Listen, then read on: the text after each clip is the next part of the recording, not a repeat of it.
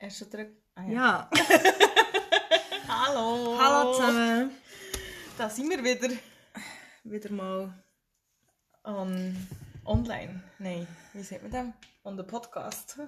on air Oder überhaupt. oder so. Warte, ich muss schnell mein Zeug wegräumen, weil sonst bin ich wieder auf der Nase. Ah, ei, ei, ei. Ja, ich tue eben auch immer Noschen. So, jetzt habe ich nichts zum Naschen, außer Ja. das Glas Wasser. Ja. Glas Wasser. Das Glas gut. Wasser, ja. Nein.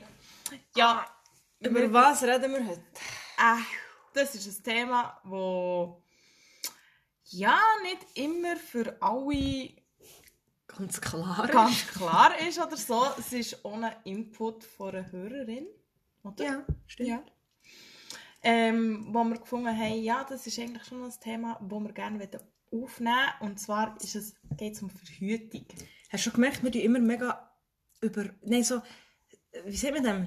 Um Umschweift Ja, und so, etwas- jetzt nicht immer so spannend machen. Ja, so, das ey, über ist- was reden wir ey, heute? ja. Dabei steht es einfach nicht im Titel. Ja, Ah, stimmt schon. Lustig. Ja. Genau, wir reden heute über Verhütung und zwar, was dort wichtig ist. Und der Input von ähm, Zuhörerin, den wir haben eben bekommen hat mir mit folgenden Wort geschrieben, äh, das Thema Verhütung, weil sie sei immer noch schockiert, dass es Leute gibt, die eigentlich keine Ahnung über das haben. Das ist definitiv so. Und Und ja. sie ist ja nicht, also sie ist in meinem Alter, also von dem her, äh, ja. Also Moment schon, ich finde, du solltest schon mit 18 Ja, sicher, wissen, du solltest schon... was wenn- Sache ist. Also, Ja, also sorry, du Please, solltest schon nehm ab jetzt- 15 Ja. wissen, um was das es geht. Weil, aber ich muss ganz klar sagen, unsere Aufklärung, denn, was ist das? gewesen? Wir haben Aufklärung, glaube ich, in der 6. Klasse. Gehabt. Nee. Ja, wir haben, ja, Ja, ich habe es glaube ich 7, 7 mal, 8. wir haben in der 6. Klasse. Und also ich muss ganz ehrlich sagen, bei diesem Lehrer, äh, es war ein Lehrer gewesen, und wir haben, glaube ich, einfach Blätter ausgefüllt. Also weißt, wir Aber- haben nicht in dem Sinn darüber gehabt, wir haben einfach geredet, was es ist. Also weißt du, so, das Bildchen, nein, wir müssen dazu schreiben, was es ist. Das Bildchen, wieder dazu schreiben, was es ist. Also so, das Also, ist ein Penis, das Ja, ist genau. äh, Vagina, das ist das. Genau. Das Kondom und das braucht man für das. Okay. Genau. So ein bisschen äh, das Bienen- Bienenli zur Blume. Aber hast du, hast du in der Schule, also wie- wir sagen wir so, wie, wie bist du aufgeklärt worden? Also durch die Schule, durch das Bravo, durch deine Eltern? Nein, also wir hatten eine Schulaufklärung, gehabt, aber eben so ein bisschen mm, Nonsens-Material in dem Sinn. Äh, und dann eigentlich mehr durch meine Mami. Also, meine Mami hat mir eigentlich erst ein Buch gekauft. Wo man das näher sagen, ja, du hast sicher noch das gleiche Buch gehabt. Ja, das kann sein. Oh mein Gott. Das kann sein. Ich kann Erzähl. mich nicht mehr erinnern, an was es für ein Buch ist. Ja, ich kann dir das sagen, was ich für eins hatte. Aber ja, meine Mami hat mir dann eigentlich so ein Buch gekauft und dort war eigentlich dann alles so wie erklärt. Gewesen. Und sie hat dann auch gesagt, «Schau, lies es mal für dich durch, schau es mal an und dann, wenn du Fragen hast, können wir darüber reden zusammen. Und du hast natürlich keine Fragen gehabt, was echt huere peinlich ist, Ja, wenn du so genau. Was 14 bist und du denkst so, Äh. äh, was soll ich jetzt meine Eltern gehen fragen? Bitte? wie das funktioniert und so. Äh, also, hure Entschuldigung. peinlich. Da geht's. Ja, sorry, ich habe etwas im Haus. Ja, und, und das ist schon noch so, also mit diesem Alter, ich weiss, es ist peinlich. Ich Aber wie alt weiss- bist du denn? gewesen? Ja, so 4, 13, Eben 14, schon. irgendwo Ja, okay. dort rum. Und sorry, dort bist du eher Pubertät, du findest eh alles peinlich oder bist eh so ein bisschen, ja, mit der Mami eh, kann ich kann ich über, über das reden oder irgendwie so. Ich muss zwar sagen, aber pubertätmässig, ja, gegen Kritz mit meinem Bär, Mhm. aber mit meiner Mami eigentlich nicht unbedingt. Also Okay. mit meiner Mami hatte besser Draht gehabt als mit meinem Papi. Okay. Aber es ist vielleicht Charaktersache, weil ich etwas ähnlicher bin vom Charakter bei meinem Papi als bei meiner Mami. Ja, oder vielleicht auch, weil sie echt eine Frau ist und die verstanden hat, was du durchmachst. Ja, das, Das kann nicht, auch aber- sein. Also nicht, dass jetzt die Papi da irgendwie... will, aber Nein, überhaupt nicht. Aber es kann gut sein, dass es an dem gelegen ist. das ist vielfach noch so, dass dann, vor allem gerade in der Pubertät irgendwie, ähm, ja, also, ich weiss noch, ich, ich glaube, ich bin, ich weiss noch nicht, ich glaube, ich bin auch, das ist im Fall so das Thema Aufklärung, also Aufklärung, ich sage jetzt nicht nur Verhütung, sondern allgemeine Aufklärung. Ich bin, glaube 13 oder 12 oder 13 gewesen, als ich das erste Mal Mensa bekommen Und ich habe ja gewusst, was das ist, weil meine Mom hat mir gesagt, «Schau, irgendwann wird das kommen, weil wegen dem und dem.» Und sie hat mir das recht gut erklärt. Ich weiß ehrlich gesagt genau nicht mehr, wie sie es gemacht hat, aber sie hat mir erzählt, dass, wo sie ist aufgeklärt worden, hat es geheissen, sie, ihre Eltern haben ihr noch vermittelt, «Ja, wenn du den küsst, wirst du schwanger.» Das ist echt so... Oh mein Gott. Ja, und dann hat sie natürlich Panik gehabt, gell? Irgendwie, Yes, vielleicht- Gott. weiss auch nicht, bist mit 13, 14, bist du vielleicht zuerst mal verliebt, vielleicht schon Oh, vorher. ja. Und dann denkst du, nein, ich darf nicht küssen, weil sonst werde ich schwanger. Ih, das ist aber mega fies. Und sie haben ihr auch nicht gesagt, was die Mens ist. Und er ist einfach plötzlich, hat sie mir mal erzählt, ja, dann hat sie das einfach gehabt und hat gedacht, oh Gott, jetzt sterbe ich. Ja, also eh. weisst, wenn du nicht also, wenn weisst, du ähm, nicht weisst, wa- um was es geht, So, und oh was mein da Gott. passiert, Eben. also, dann denkst du, Scheiße. Und darum hat sie mir das, glaube ich, recht früh schon mitgegeben und mitgeteilt, weil du weißt ja bei jedem Modi nicht, wie früh das es bekommt. Ich meine, es gibt Serien, die bekommen es mit 10, es gibt Serien, die bekommen es erst mit 15. ja, ja. Aber ähm, ich glaube, bei, eben bei mir bin ich etwa 12 oder 13 gewesen und Hm, ich, ich bin, glaube, oh, 13, ich glaube. aber ich bin ja. dort eigentlich recht gut vorbereitet gewesen. Und er, ja, und dann mit 16 hatte ich ja schon meinen ersten Freund. Gehabt. Und vorher habe ich eben so ein Buch bekommen. Ey, das- das Buch war so verstörend. gewesen. Wenn ich das jetzt so zurückdenke, ich weiß nicht mehr, wie es geheißen hat, aber ich weiß noch, meine, meine Mama hat mir das auch gegeben. Das war so ein Bilderbuch gewesen. und dann hast du so gesagt, ja, schaust du das auch mal an, etwa wie deine Mama vielleicht Mhm. so. Und es war wegen dem einfach so verstörend. Gewesen. Nein, das ist jetzt verdammt böse, was ich sage, aber die Zeichnungen, die dort drin waren, waren so zwei, das war ein Mann und eine Frau, gewesen. und die sind echt so, erstens, sie sind hure wüst gsi. Also, okay, das ist jetzt hure böse, was ich sage, aber sie sind einfach so richtig unattraktiv Ja, gsi. ja. Und, und, und dann, dann dann hast du so gesehen, wie sie sich lernen kennen, wie sie zusammen essen und dann irgendwann haben sie sich dann ins Gärten Schlafzimmer bekommen, ja. begeben und sie dann so, haben sie sich abgezogen und dann ist einfach so, wenn du weiterblätterst, siehst du einfach so zwei nackte, unattraktive Menschen. Menschen. Und du bist dann so mit 14 oder 13 denkst du einfach so, Hä? oder vielleicht bin, eben, ich bin- wahrscheinlich bin ich noch, früh, bin ich noch jünger gewesen, als ich das Buch habe Ja, bekommen. ja, ja. Und ich so, mhm, okay. Und meine Mama hat so, ja, aber wenn du irgendetwas ist, kannst du mich auch fragen. Und ich so, mhm, ja klar, kann ich jetzt über das irgendetwas fragen. aber dann hatte ich ja noch das Bravo-Album. gehabt. Ja, das habe ich auch. Und Für alle, die nicht wissen, Also. was das Bravo ist, das Bravo ist ein Heftchen mit allem möglichen Klatsch und Tratsch Klatsch und drin. Klatsch. Und zwei Seiten Dr. Sommer. Genau. Plus Nacktbildli ja. in der Mitte von einem Mann und von einer Frau. Ja, dus- Dass das- man weiss, wie ein Mann aussieht und wie eine Frau. Aber das sind immer andere, die das nie verstanden, wieso dass du zur Hölle dich nackt in einem Heft präsentierst, weil es nicht der Playboy ja, ist. und vor allem, ja, Also es Das ist ist nicht verstanden. total unattraktiv, einfach da hergestellt und ein Foto gemacht. So Ja. richtig- also, aber wirklich halt Aufklärung in dem Sinne. Aber dann Also, noch zu jedem, also so weit ich mich mal erinnere, zu jedem Porträt von diesen Menschen ist noch ein Steckbrief gewesen. Also, was Also sind so so- deine Hobbys? Ja, genau. Wie alt bist du? Ähm, Was hast du dein Lieblingstier? Und einfach so ein Nonsens, der überhaupt nicht zusammenpasst. Und also, ja, okay, die, die Dr. Sommer, die, die Fragen, die sie gestellt hat, das war ja noch hilfreich gewesen manchmal, aber das andere habe ich auch so gefunden, okay, wieso machst du das? Ja, also da komme ich auch nicht genau draus, wieso dass man das gemacht hat. Was ich zwar muss sagen, heute würde es vielleicht anders aussehen als dann zumal. Weil, Ja gut, heute präsentieren sie sich ja schon auf dem Instagram, ohne dass sie im Dr. Sommer sind, halbnackt, ihre Brüste, ihre... Äh, dort, äh, ah, das ist jetzt gleich. Ihre Ärsche, ihre weiss nicht was, also ich meine... da ja, ist ja, schon- das schon ist schon so. Aufklärung. Aber weißt du, es sind nicht immer, weißt du, in dem Sinn Muskelprotz oder weiss der Gucker Aha, was so. gewesen, weißt du, von der Ja, ja. Figur her, sondern es sind einfach wie du und ich in dem Sinn, Ja, ja. weißt du, Menschen gewesen. Es ist nicht irgendwie... Ja, das stimmt, ja. so ein Schönheitsideal vorgegeben worden, Ja. wie es heutzutage eigentlich Du kannst ja ist. melden. Ja, super, wow. Nicht mal vielleicht.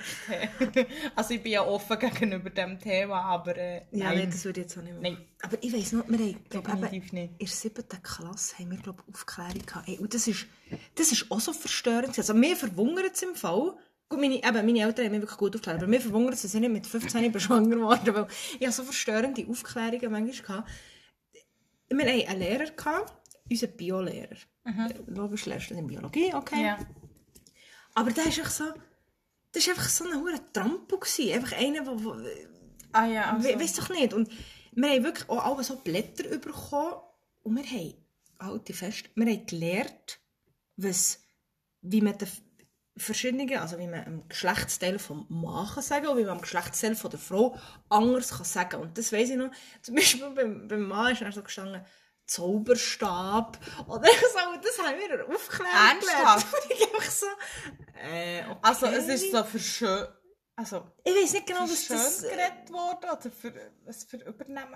Nein, wir haben einfach so wie, wie, wie man eine Übernahme für das sagt, ohne dass es hure frech tönt. Aber ich habe mir dann immer so gefragt, also was hat das mit Aufklärung zu tun? Ich Ja, meine, das okay, und ist- dann ist so der obligate Teil gekommen, wo man hat, äh, das Kondom über eine Banane müssen stülpen Das haben wir eben dann nie gemacht.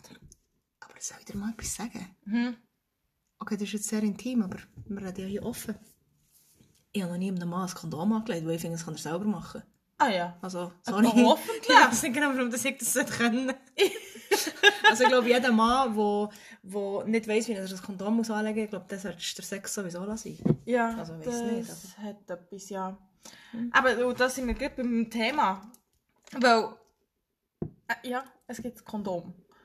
Aber Wenn wir jetzt sagen, was es alles gibt. Nein! Aber hey, das sollte man einfach wissen als Mann, wie man es anlegt. Und man sollte einfach wissen, dass man es dabei hat. Weil Also- also, es ist nicht immer eine Frau.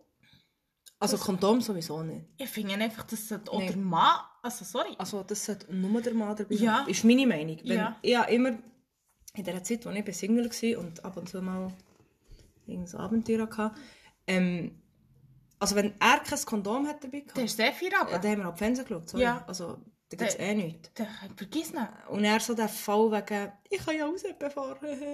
Äh, nein, nicht Schon mal so. viel. Also, du hey. kannst schon gerne zu der Tür raus. Ja, also kannst du. wirklich. Aber das ist, im Fall, das ist mir im Fall noch oft passiert. Also, ich hatte noch Ja. oft Männer, gehabt, wo mir... Also, nein, okay, oft, das stimmt jetzt nicht, aber vielleicht so zwei haben mir sicher gesagt, gehabt, ja, ich kann ja raus. Nein, ich Ja, habe so gedacht, also, Das habe ich, die Antwort habe ich auch schon gehört. und in dem Moment frage ich mich dann so, bist du aufgeklärt worden? Also, Ja, vor allem hast du nicht einen Dachschaden.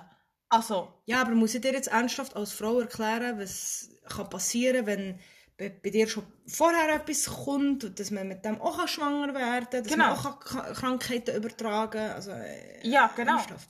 Ah, Auch schon nur eben Krankheiten, Übertragung. Eben, das, das, ist, ist schon ja... ein anderes Thema, wo er halt einfach auch mit dem Verhütung zu tun hat. Ja, weil ich glaube, vielen ist wie das Wort Verhütung heisst einfach gleich, ich werde nicht schwanger. Genau. Aber dass du, wenn du wenn die Frau Pillen nimmt und dir trotzdem ohne Kondom Sex hat, Ja. ähm, dass man dann je nachdem auch eine Krankheit übertragen ist, vielleicht viel noch nicht Ja. bewusst manchmal. Und das finde ich dann so ein bisschen... Und das haben wir einmal, einmal, wann war das? Gewesen? Das war während dem Lockdown, gewesen. sind wir da draussen gehockt und haben das diskutiert. Und sogar, Also, du und dein Date, oder was? nein, mit ihr, wo, ähm, wo die Frage gestellt Mhm. hat, jetzt, äh, oder besser gesagt, unser Input. Das Okay. haben wir definitiv diskutiert, wie man äh, Geschlechtskrankheiten überträgt. Also, dass das definitiv auch funktioniert mit Oralverkehr. Aha, ja, natürlich. Eben, Ah, Schlimm aber nicht. Schleimhaut. Ja. Es ist einfach so. Und das wissen aber auch viele nicht. Ja.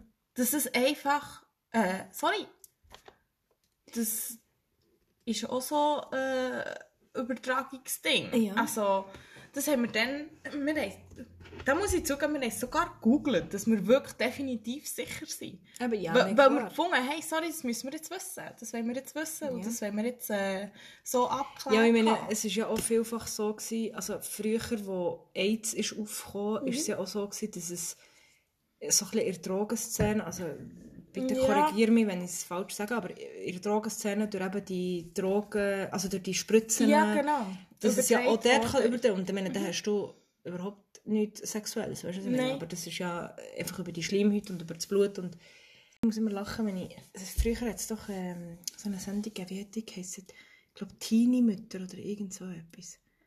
Das gibt es, glaube ich, immer noch. Ja, ich weiß nicht, eben, oder ich schaue es immer noch, aber eine Zeit lang habe ich es, also nicht regelmäßig geschaut, aber ich habe es einfach ab und zu gesehen und hey, Also es tut mir jetzt leid, ich bin sonst nicht so ausfällig, aber dort muss ich dann einfach so sagen, Ja, aber das ist schon Asi-TV. Nein, da muss ich dann einfach sagen, sorry, aber das sollte man einfach links und rechts einfach nur klappen. Weil, sorry, wenn du mit 15 das Gefühl hast, ah ja, Nummer 1 ist auch nicht Kondom, äh. Ja, und dann hast du halt das Kind. Ich meine, Ja. da muss ich einfach sagen, also mir tut es leid für das Kind, Mhm. weil ja, ich möchte mich hier nicht zu fest äußern, aber ich finde einfach jede Ausrede von wegen, ja, wir haben nur einmal ohne Kondom, ja, sorry, ey, das eine Mal kann von länger. Ja. Und ich Das meine, ist weißt du, finde ja das, definitiv so. finde ja das nicht schlimm, wenn du, wenn du in einem gewissen Alter bist und, und du weißt, was kann passieren. Ich meine, ich sage zum Beispiel auch heute in meinem Alter, ich meine, ich kann nicht mehr ungewollt schwanger werden. Wo du nicht. Nein. Weil heute wirst du, wenn, dann einfach wie unplanet vielleicht, das ist ja, auch Ja. okay, aber du wirst nicht ungewollt schwanger, weil jeder vernünftige Mensch ab einem gewissen Alter sollte wissen, was passiert, wenn man ohne Verhütung Sex hat. Ja, das ist definitiv so.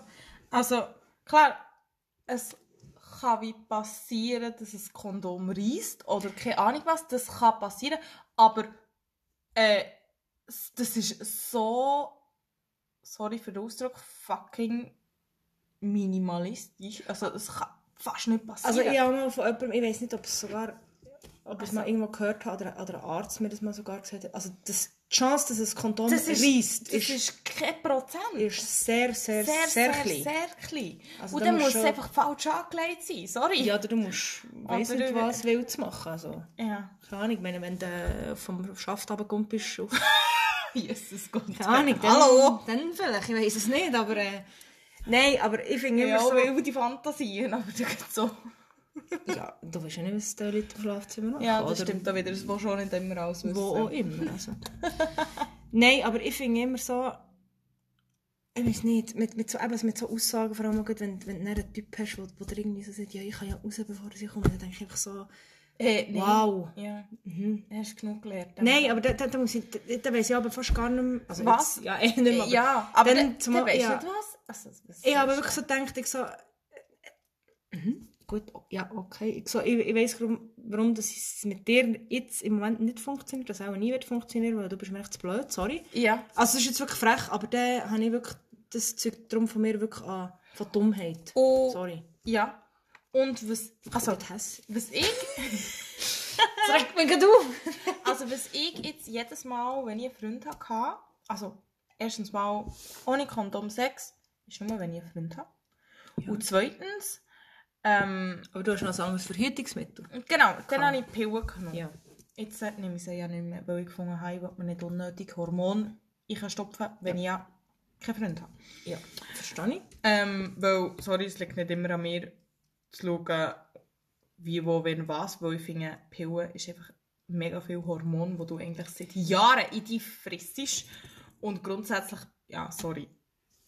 Also Äh, eh nicht mehr... Bringt es nicht. Nie mehr etwas mit Hormonen. Nein, aber, muss ich auch sagen. Aber eben, weißt du, das ist nicht so das... Ich meine, was machen... Ich soll sagen, ich weiß Sorry. Ich, ich rede weiter, ich weiß Aha. nicht, mehr, was ich wollte sagen Ich bin noch froh, habe ich dir nicht reingeredet. Ähm, nein, was, was ich natürlich so, weißt du, wenn du, ich weiß doch nicht, wenn ich nicht Pillen anfangen, wenn ich eben 15, 16 war. Ja. Und Ich meine, in diesem Alter wie, wird dir wie das im Prinzip Vorgeschlagen. vorgeschlagen und du denkst so, ah ja, okay, dann nimmst du das mal. Und das Krasse war ja, gewesen, bei Pillen, also ich möchte jetzt nicht irgendwie sagen, nehmt die Pillen nicht, sondern ich möchte euch sagen, tut bitte verhüten. Aber, eben Pillen schützt ja auch nicht vor Krankheiten, also dass wir das Genau. geklärt haben. Aber ich weiss noch, als ich eben Pillen angenommen habe, also, glaube ich, nach acht Jahre lang genommen. Und wo ich die, ich habe wie nie etwas gemerkt, weißt du, ich habe keine Nebenwirkungen gemerkt und so. Aber als ich die dann abgesetzt habe, bin ich glaube ich 2 oder 23 gewesen. Hey, und dann habe ich gemerkt, wie es mir plötzlich gut geht. Also wie ich Keine genau. wie, Stimmungsschwankungen. wie ich zufrieden bin und, und, und wie es mir gut geht. Und dann habe ich immer so gedacht, hey, aber hey, das kann ja nicht sein. Das habe ich schon von vielen gehört. Und dann ist mir, i- ist mir wie bewusst worden, hey, ich habe jetzt die letzten acht Jahre Hormone in mich reingepumpt. Und durch das, ja, ich meine, sind wir mal ehrlich, mit 15 hast du noch nicht, kannst du vielleicht noch nicht so einordnen, bin ich jetzt genervt, wegen, weil ich einfach in der Pubertät bin, oder bin ich jetzt allgemein genervt, weil einfach jetzt irgendetwas ist schief gelaufen. Aber dann, als ich über 20 war, habe ich echt so gemerkt, hey, mir geht es ja hure gut. Ja. Und dann habe ich ja den fatalen Fehler gemacht, dass wenn ich wieder in einer Beziehung war, aber jetzt mit meinem jetzigen Freund, habe ich dann mir die Stäbchen rein tun. Mhm. Und ich habe mir eigentlich schon dann, das ist so etwas, wir haben, das kommt- das ist jetzt völlig abschweifen, wir haben vorhin darüber geredet, dass dein Körper, ähm, dass dein Körper dir eigentlich Signal gibt, was gut für dich ist. Und ich habe gewusst, ich mache mir das Stäbchen, weil ich habe gehört, es hat weniger Hormone als Pillen. Mhm. Und- Aber mein Körper hat eigentlich gesagt, nein, ich will gar keine Hormone. Mhm. Und dann habe ich mir das Stäbchen da rein tun. Hey, ich hätte es drei Jahre können drin haben. Ich habe es nach einem Jahr wieder rausnehmen müssen. Mhm. Mir ist es so dreckig gegangen. Also wirklich Ja. übelst im Fall. Und dann habe ich seitdem gesagt, und ich habe dann auch halt lange mit meinem Freund geredet und gesagt, «Lass, ich kann nicht mehr nehmen mit Hormonen. Das geht einfach nicht. Ja. Und jetzt habe ich es rausgenommen und seither ist alles gut. Ja. Also ja, die normalen Stimmungsschwankungen, die du hast, aber Ja, ja, eh. nicht so permanent. Und das... Total. Ich wäre mal dafür, dass sie ein Verhütungsmittel erfinden, das keine Hormone hat. Ja, ja, das wäre super. Gut, es gibt ja eins. So. Kopfspirale. Mm. Aber die tut, die tut scheiß weh, Ja, wenn sie nicht tut. da habe ich jetzt auch gerade... Sie sollte mal Jemand, der mir das erzählt hat. Zum Reintun tut es scheiß weh und zum Rausnehmen tut es auch mega weh. Mhm. Scheinbar. Aber sie sollten mal ein Verhütungsmittel erfinden für Männer. Ja, Es gibt, glaube ich, gibt es etwas? Ja, sie haben, glaube ich, mal... Sie, sind, glaub, ich weiß nicht, ob das schon auf dem Markt ist, aber ich glaube, sie haben mal so etwas rausgetüftelt. Äh, die Pille für den Mann. Aber ich weiß nicht, ob es das, Aha. Mm. ah, ich weiss nicht, ob es das gibt. Aber das wäre doch... Das wäre mal... Gut, wenn sie etwas. ein Hormon haben. Also, ich weiss. Ja. Nein, was, ich eigentlich vorhin, was mir vorhin entfallen ist, jetzt ist mir wieder in den Sinn gekommen. So. Ähm, ich habe doch erzählt, eben, wenn ich mal einen Freund hatte, dass ich auch Pillen genommen habe und es dann okay war, in dem Sinn, ohne Kondom. Aber ich habe wirklich jeden, den ich hatte, habe ich lassen testen Also er hätte einen Test müssen machen, ob er irgendwelche Krankheiten hat. Also Freund? Freund. Aha, ich meine, Ja. die Affäre. Nein, yes, Gott. Und da würde ich nie ohne Kondom. Ja, ich würde sagen, da wärst du schon lange aber, gelandet. aber Freund. Ähm, und ich bin eher regelmässig zum Frauenarzt, also was ja eigentlich jede Frau macht, aber Männer machen das im Fall nicht. Ich finde das so wichtig bei einem Mann, dass ja. er einmal jährlich sich geht go testen, geht go schauen, ob alles gut ist. Ich finde das eigentlich wichtig. ja, eigentlich schon. Aber ein Mann macht das nicht. Das ist irgendwie auch so ein Thema, wo so, oh nein, ja nicht. Und wenn ich das als Bedingung habe, dran knüpft, das hat jetzt noch jeder gemacht. Aber also, ich glaube, ich hätte das im Fall. ich glaube, das ist so, aber gleich eher als Widerwille, Ja, weil ja. muss ich. Ja, ja. Und dann so, ja, sicher. Aber dann ist es dann wie kein Problem. Ja, ja. Aber ich glaube, was viel mehr ist, habe ich das auch gemacht. gehabt. Also, ge- eben, ja, ich has, erstens mal habe ich immer eigentlich einen gratis AIDS-Test, weil ich ja gar kein Blut spende. Ja, klar. Also, dort habe ich eh immer, und beim Frauenarzt musst du ihn ja e- extra machen. Ja, ja. Aber ich glaube, ich habe ihn auch schon zwei oder drei Mal gemacht. gehabt. Und ich glaube, ich glaube sogar jetzt bei meinem Freund jetzt, hat- er hat glaube ich auch einen gemacht. So viel man ist. Ja. Also gut, er ist jetzt nicht der, der hure ohne, weißt, vor mir ohne Verhütung irgendwie oder ohne Kondom hat, aber ich glaube, das, ja. Ja, aber theoretisch eben, das kannst du nicht wissen. Nein, eben. Es ist dann gleich wieder, wenn es Oralsex gibt, ja, eben. dann kann es dann gleich Dann wieder weisst du es passieren. Dann weißt du es dann gleich wieder nicht. Ja, aber ich sage mir immer dann so bei einem Freund, Ja, also, wo du eben. dann kennst, Dann habe gibt's ich, dann auch das Vertrauensbasis, Ja. wo man dann eigentlich auch muss da sein. dann finde ich dann so, okay, ich vertraue dir und ich hoffe, dass du mich nicht anlügst. Oh ja, aber eben, wir wissen es nicht. Das ist immer so ein anderes Thema, Vertrauen. Aber Vertrauen, finde ich, spielt dort halt auch sehr, sehr eine wichtige Rolle. Nein, klar, ja, das, das auf jeden Fall. Weil, Aber was ich auch noch mal erlebt habe, das ist mega gäbig. was? ich bin ja mal äh, eineinhalb Jahre mit einer Frau zusammen. Gewesen. Mhm. Ja. Und dort. Also, okay, du kannst auch eine übertragbare Krankheit bekommen. Das stimmt. Eben durch Ja, wie auch immer. Aber du musst dir echt keine Gedanken machen um Pillen, du musst dir keine Gedanken machen um Kondom. Also von dem her. ja. Ich bin ja mal, das ist eine hure lustige Das Geschichte. stimmt. Ich bin mal go Blut spenden. Und dort musst du ja immer. Bist du schon mal go Blut spenden? Nein, ich darf nicht. Wegen zu oft wechselnden Sexualpartner. und das, Okay! Ja, und das Schlimme ist, es ist ja nicht mal viel, viel in dem Sinn. also ich glaube, du musst Aber du zwölf Monate der gleichen. Eben, ja, sorry, ich bin schon seit zwei Jahren Single. Also, Also ich hatte das ja mal. Genau, Es ich klingt bin, jetzt nach mega viel, aber es ist eigentlich nicht nein, mal nein, so das ist mir viel. schon klar. Ich bin auch mal, ge- also ich gehe ja eh, seit etwa fünf oder sechs Jahren Blut spenden. Und Mhm. dann, als ich angefangen habe, bin ich eben in einer Beziehung gewesen, mit, Mhm. mit dieser Frau. Und es war verdammt lustig, gewesen. dann gibt es auf dem Fragebogen, ähm, steht, es hat so eine Rubrik, die steht nur für Männer, oder? Mhm. Und dann musst du eben angeben, ja, ähm, hast du sexuellen Kontakt unter Männern, bla bla. bla. Mhm. Und das tue ich auch überspringen, weil ich ja keinen Mann bin. Und dann bin ich aber dann zumal, als ich eben äh, mit dieser Frau zusammen war, habe ich, bin ich Blutspender. das war so lustig. gewesen. Wir mussten ja immer noch in einen separaten Raum mit so einer, wo der eben die, wo die, wo der Fragebogen anschaut. Und dann hat sie so geschaut und so, ja, okay, ist alles gut. Und dann habe ich so gesagt, ja, dir, ich habe jetzt gleich noch schnell eine Frage, weil das ziemlich neu ist für mich. Und dann hat sie so, ja, was denn? Und dann habe ich gesagt, ja, eben, es gäbe ja da die Frage mit nur für Männer und so. Dann hat sie mich so angeschaut und sie so, ja. Und dann gesagt, ja, eben, ich habe... Also ich glaube, dann auch angegeben, weisst, wechselnde Partner habe ich Nein angekritzelt, weil ich auch schon eben über ein Jahr mit ihr zusammen war. Und dann habe ich, so- hat sie mich so gefragt, gehabt, ähm, äh, dann habe ich eben so gesagt, ja, ich sei aber in einer Beziehung mit einer Frau. Ob das auch irgendwie einen Einfluss hat. Und dann sagt sie einfach so, ah nein, nein, wisst ihr, Serige kommen viel zu uns. Weißt du, so, Serige, und ich so, okay. Sie so, Okay. ah, das ist überhaupt kein Problem. Und ich so, ah, okay, gut, ja, ich denke, ich frage Serige. einfach mal. Und dann habe ich gesagt, mhm, gut, ja. Also bist du eine Serie gewesen. Ja, aber das Geile war, als ich dann, wo Okay. ich dann nicht mit ihr bezogen war, bin ich ja, glaube auch, wie du jetzt zwei Jahre Single gewesen.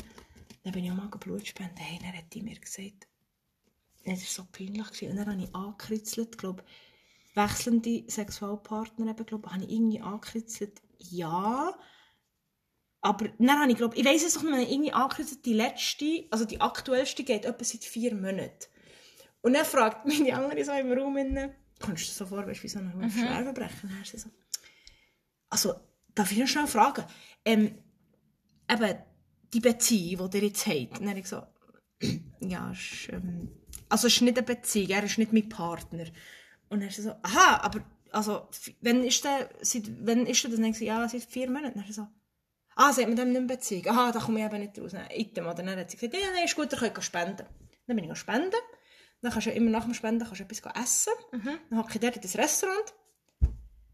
Dann kommt die andere, ich weiß nicht, mehr, eine, wo mir auch das Blut hat abgenommen, kommt einfach durch die ganze Halle dort, und ich hocke dort, und sagt sie so, der, jetzt muss ich euch gleich nochmal fragen, wann habt ihr jetzt den letzten Sexualpartner gehabt? Und ich einfach dort so, ich meine, ich bin dort in der verdammten Cafeteria Oh, gehockt, wo etwa noch 15 andere Menschen waren, und ich echt so, Also meint Ähm. ihr den neben mir? Also, können wir das bitte hier ein bisschen dis- Und sie hat, glaube ich, noch meinen Namen gemerkt, der- der- die ganze Halle. Also, es hat auch jeder gewusst. Und sie hat so in meiner Freizeit vielleicht treiben, in meinem Single-Dasein oder weil ich einfach dort so, Scheiße. können wir das vielleicht ein bisschen diskreter machen? Ja. Ja, es war mir dann ein bisschen unangenehm. Gewesen. Ja. Und sie, dann hat sie so gesagt, nein, nein, ich glaube, ihr hat gesagt, ja, aber ich habe ja immer verhütet. Ah, das spielt keine Rolle, ob der verhütet hat. Hure lauter. Ich weiss nicht. Ähm, es ist wohl okay.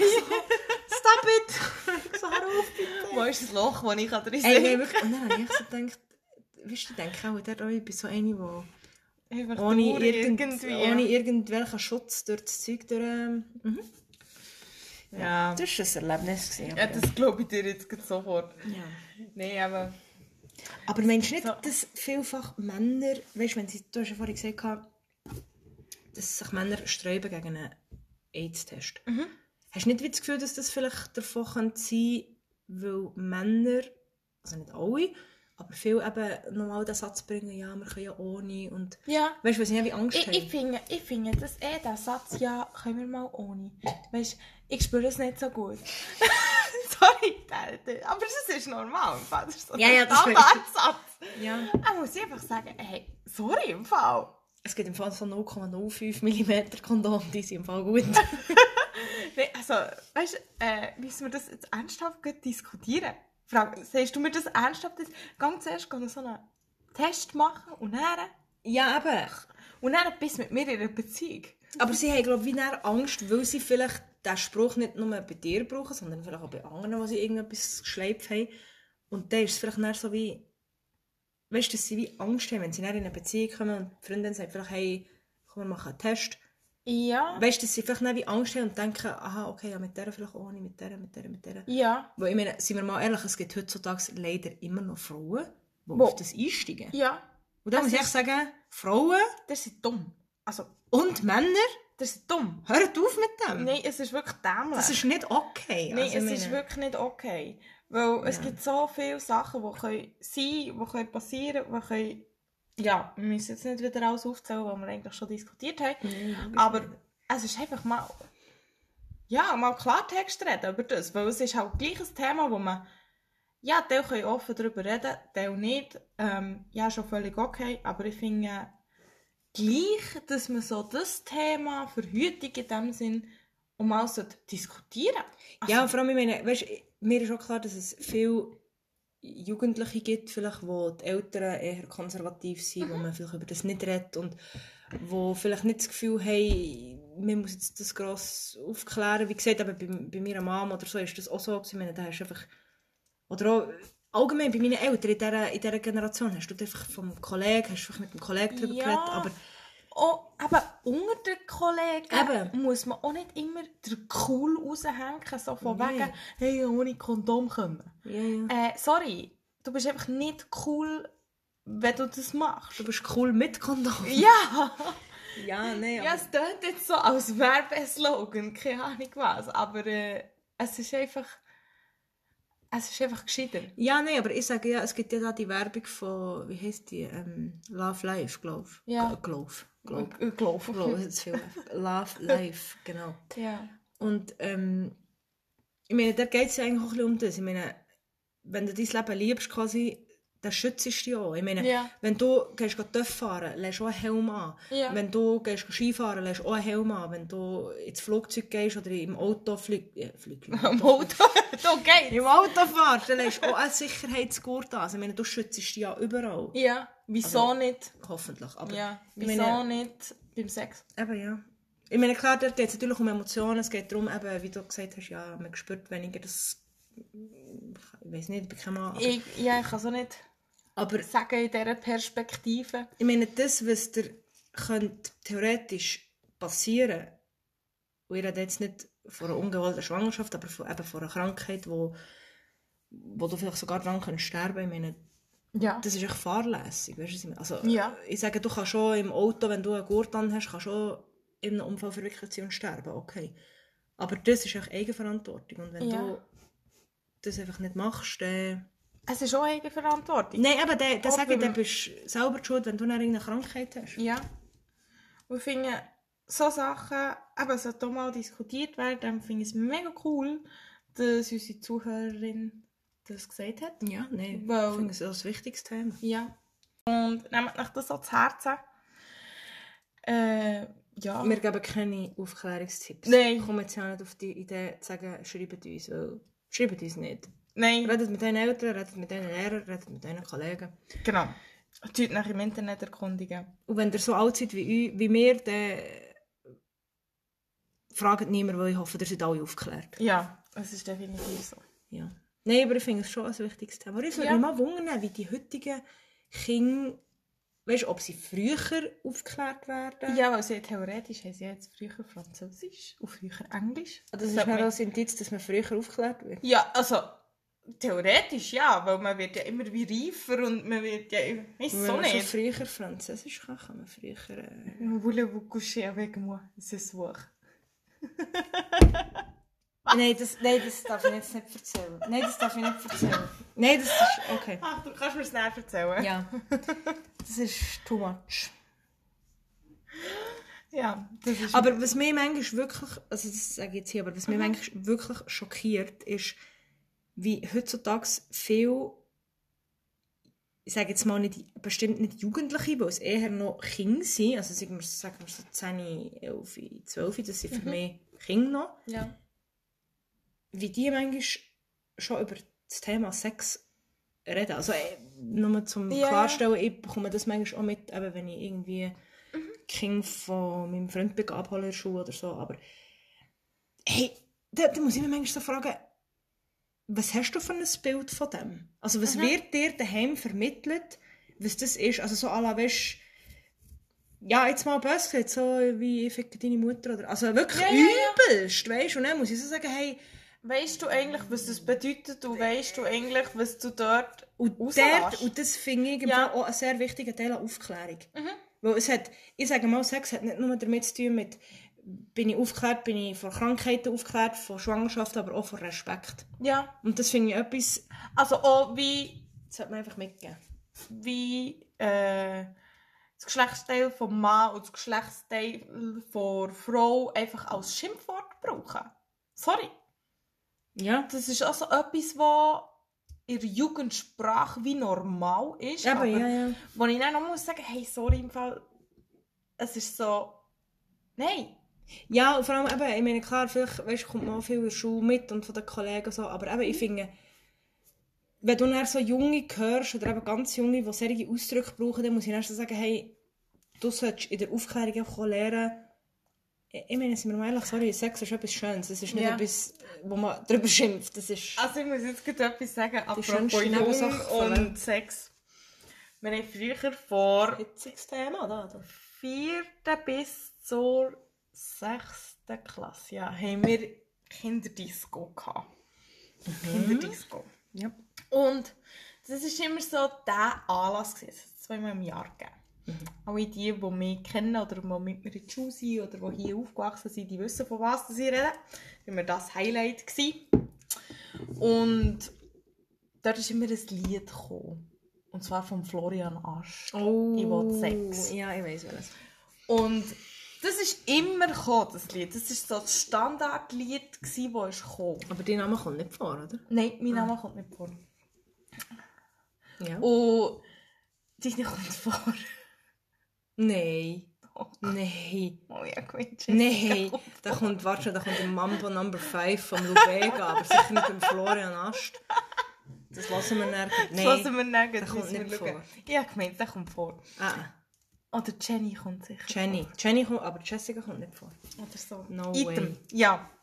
Und das Lied ist immer gelaufen. Also, und wenn ich so zurückdenke, sorry, in der vierten Klasse, wie alt bist du da? Da Elfi. bist Elfi. Also Elfi, Zwölfi, Dreizehni. In diesem Altersstufe von Kind. Und dann hörst du das Lied in ihrer Lust und jedes, jeder Golf backt mit «Ich will Sex, von morgen bis am Abend». Ja, das wird ja wohl. Und hey, sorry, du weißt noch nicht mal, um was das es geht. Ja, ich habe jetzt aber noch einen guten Input zu dem. Das hat zwar jetzt in dem Sinn nichts mit Aufklärung zu tun, mal eigentlich schon. Und zwar wie das Bild, also wie, wie ich sage jetzt mal, ich weiß nicht, wie es in anderen Kulturen ist, aber wie in unserer Kultur Sex mitgegeben wird. Mhm. Stell dir mal vor, du hockst vor dem Fernsehen. Sag mir jetzt mal, du hast ein Kind. Dein Kind ist vielleicht 10. Du hockst vor dem Fernsehen mit dem Kind, schaust irgendeinen Film, keine Ahnung. Und dann kommt dort eine Szene vor, wo zwei Menschen Sex haben. Was sagst du deinem Kind? Ah, das ist nichts für dich. Ja, das ist nichts für dich, schau weg. Oder so. Also im übertriebenen Sinn. Ja. Aber wenn eine Kampfszene kommt, eine Ballerszene, dann schaut dein Kind nicht weg. Dann muss dein Kind nicht wegschauen. Ja. Aber sorry, ich finde, ballern und kämpfen und äh, Leute abschießen, das ist nicht natürlich. Aber Sex ist noch etwas Natürliches. Ich Ja. meine, wir sind alle durch Sex auf die Erde gekommen. Ja. Und es wird so oft vermittelt, «Ih, das ist nicht jugendfrei. Ja, okay, wir, wir, wir reden nicht von Hardcore-Sachen, aber ich meine, wenn du einen Film schaust, sei es jetzt ein romantischer Film und zwei, du siehst dort, dass zwei Sex haben oder du nimmst es zumindest an, ich meine, wieso lässt du dort wie ein Kind nicht mitschauen? Ich meine, es ist wie, es ist etwas Natürliches, es macht jeder Mensch, aber nicht jeder Mensch nimmt eine Waffe für und ballert einen ab, weißt du, was ich meine? Ja, ja, ja, ich weiß, was Mensch. Weil Ich, ich weiß nicht mehr genau, Vor aber Dings her. ich habe das mal irgendwo mitbekommen, wo, wo es wirklich so geheißen hat, «Uh, das ist dann nicht für dich, da, das ist dann nicht jugendfrei da, gell?» Aber Mhm. eben, wenn irgendwie eine Szene kommt, oder ich, keine Ahnung, ich kann dir jetzt keinen Film, für Kinderfilm sagen, wo sie, also weißt du, ein Kinderfilm im Sinn, wo, wo vielleicht auch zwei Männer oder, oder mal Ja. schlägeln zusammen, aber das ist nicht natürlich. Ja. Und warum lässt du dort ein Kind schauen, Mhm. aber bei einer Sexszene nicht? Also das verstehe ich nicht ganz. Und darum, ich habe wie das Gefühl, in unserer Gesellschaft oder in unserer Kultur wird Sex schon ganz anders mitgeben. Es ist wie etwas, Natürlicher. nein, eben etwas Böses. Aha. Ja. Also Böses. Äh, Wie, ja. du also, darfst das erst schauen, wenn du 18 bist. Ja, also schon nur jetzt äh, in den Märli. Also, sagen wir jetzt, Prinzessin oder Prinz. Ja. Das ist das höchste der Gefühle des Menschen. In dem Sinn. Ja, Aber der Prinz muss immer die Prinzessin retten und kämpfen gegen die Böse oder Ja. böse Wicht. Ja. Und der stirbt oder was auch immer. ja. Aber er ist nicht der Held. Aber er ist Ja. nicht der Held. Ja. Aber ja, also es ist jetzt so vom Dings her. Irgendwie weißt Aber, du, aber es, vom- wird so wie, es wird so wie vermittelt, das ist etwas, das darf man dann noch nicht schauen. Und das ist dann, aber ich meine, oder was ich zum Beispiel auch, das macht mich persönlich ja wirklich aggressiv und hässig. Also wirklich, Ja. wenn du, irgendwann ist, wird die Frage von jedem Kind kommen, wie, wie bin ich auf die Welt gekommen? Oder? Mhm. Ja. Irgendwann ist interessiert dich das vielleicht. Ich weiß nicht, ich kann mich nicht erinnern, ob ich das mal gefragt habe. Vielleicht, wie gesagt, weil ich schon f- früh mit dem auch, also meine Ich glaube, ich habe Eltern, das nie gefragt. meine Eltern haben nie ein Geheimnis daraus Ich gemacht. habe Ich das meine, nicht Einfach gecheckt. aber bitte. Ich sage jetzt etwas und ich hoffe, dass sich äh, Menschen, die das allenfalls vielleicht machen, nicht angegriffen fühlen, aber wenn, ist es mir auch egal. Aber hört auf, euren Kindern zu erzählen, sie kommen vom scheiß Storch. Ah ja. Sie kommen nicht vom Storch. Sie sind nicht vor, einem, vor der Haustür abgelegt worden. Sie sind nicht irgendwo aus einem Hut rausgezogen worden. Nein, sie sind ihrer Mutter, ihrem Bauch gewachsen, weil Vater und die Mutter zusammen Sex haben. That's it. Point. Ich verstehe das. Ich, ich verstehe nicht, wie man einem Kind so einen Schwachsinn kann beibringen kann. Oder, Ja. hey, wo der Blümchen, wo der Biene. Nein, Mann, es ist zwei Menschen, die sich gerne haben, die zusammen Sex haben und dann entsteht ein Kind. Fertig. Ganz ja. einfach. Es ist Das, definitiv das macht mich so. wirklich hässlich. so Jetzt Zeug. glaube ich dir sofort. das macht mich so aggressiv, wenn man das einem Kind erzählt. Du Smo. Nein, aber das ist, also sorry, das sage ich, das ist echt dumm. Ja. Weil ich finde, du kannst nicht, weißt klar musst du, manchmal denkst du so, ah, kann ich jetzt das einem Kind sagen, aber Ja, klar musst du es ein bisschen anders verpacken, je nachdem, aber du sollst es nicht äh, irgendeine Unwahrheit erzählen. Nein, aber ich Irgendwo meine, durch. zum du Beispiel- sollst einfach ehrlich sein und das auch ehrlich können sagen, dass das Kind auch das ehrlich kann, kann lernen kann. eben, ich meine, wenn zum Beispiel ein Kind fragt, wie bin ich, in, wenn jetzt zum Beispiel ein Kind in, fragt, Mami, wie bin ich in die Bauch gekommen? Ja, was sollst du denn sagen? Ja, der Storch hat mich dort reingezwängt, oder was? Nein, komm, das, das kannst du doch einfach sagen, aber du musst ja nicht sagen, in unseren Worten das beschreiben, wie wir das als Erwachsene vielleicht würden machen. Aber, Mami und Papi haben sich gerne haben sich gern gehabt, wir haben uns fest gern gehabt, wir sind zusammen, ähm, wir haben uns geküsst, wir haben das und dann bist du entstanden. Irgendwann schnauzt er schon, wie das entsteht. Ja. Aber nicht eben vom Storch oder der Papi hat mich aus dem Bierkrug gezogen. Das gibt es im Fall auch. Bierflut? Ja, habe ich auch schon gehört. Geht's noch? Der Papi hat mich aus dem Bierglas gezogen. Yes, das geht. Dann muss ich auch so sagen, Ja, da Mhm. Ja. ja. habe ich genug gesoffen gehabt während dieser Story. ja, also du kannst nicht mit anderen Worten sagen, ja, du bist einfach entstanden, weil wir zu viel gesoffen haben. Ja. Ich weiß nicht, ob das förderlich für das Kind ist, aber okay. Scheiße! Nein, Äh, aber- ja. Nein, darum. Erzählt bitte nicht so seich euren Kindern. Genau. Die, die Kinder haben und die es hören. Und auch die, die gerne mal Kinder hätten, Genau. dürft nicht das bitte sagen. Nein, und wenn ihr im Fall etwas nicht wisst, geht nach irgendwo informieren. Ah, ich meine, du musst sagen, fragen uns. Nein, Jesus Gott, nein, uns dürft ihr nicht fragen. Uns dürft ihr nicht fragen. Wir sind zwar aufgeklärt und wir haben es bis jetzt sehr gut geschafft, Hergesch- dass wir hergebracht. weder äh, Krankheiten haben noch ungewollt sind schwanger wurden, aber fragt uns nicht. Nein, äh, äh. Äh, Ihr könnt überall anders. Ihr könnt euch ein Buch kaufen, ihr könnt euch im Internet informieren. Ihr könnt, ich weiß auch nicht was, eure beste Freundin fragen oder was auch über beste Kollegen. Du hast das Gefühl, uns hören Menschen zu, die nur aufgeklärt werden. Ich hoffe es nicht. Die haben dann ein verdammt falsches Bild. Die Ja. machen dann nie etwas in ihrem Leben. Ja, aber wir haben schon viele Sachen aufgeklärt hier in diesem Podcast. Ja, ja, also von dem her Stimmt, stimmt, können wir das auch aufklären. Ey, Eh, ja. Also, Also. das hitziges Thema war, ähm, wie gesagt, aber merci für den Input, sehr ein interessantes Thema. Ja. Und, äh, ähm, für weitere Inputs sind wir immer eh. offen. Aber keine Fragen zu diesem Thema. Also gr- grundsätzlich keine Fragen zu irgendwelchen Themen, weil wir haben keine Ahnung, wir schnurren einfach gut, was uns Genau. unser Kopf sagt. Und Eben, wir können Ja, einfach Äh, genau. das sagen, was wir sagen. Haha. Geil. Also. Also wir hören jetzt. Tschüss zusammen. Tschüss zusammen!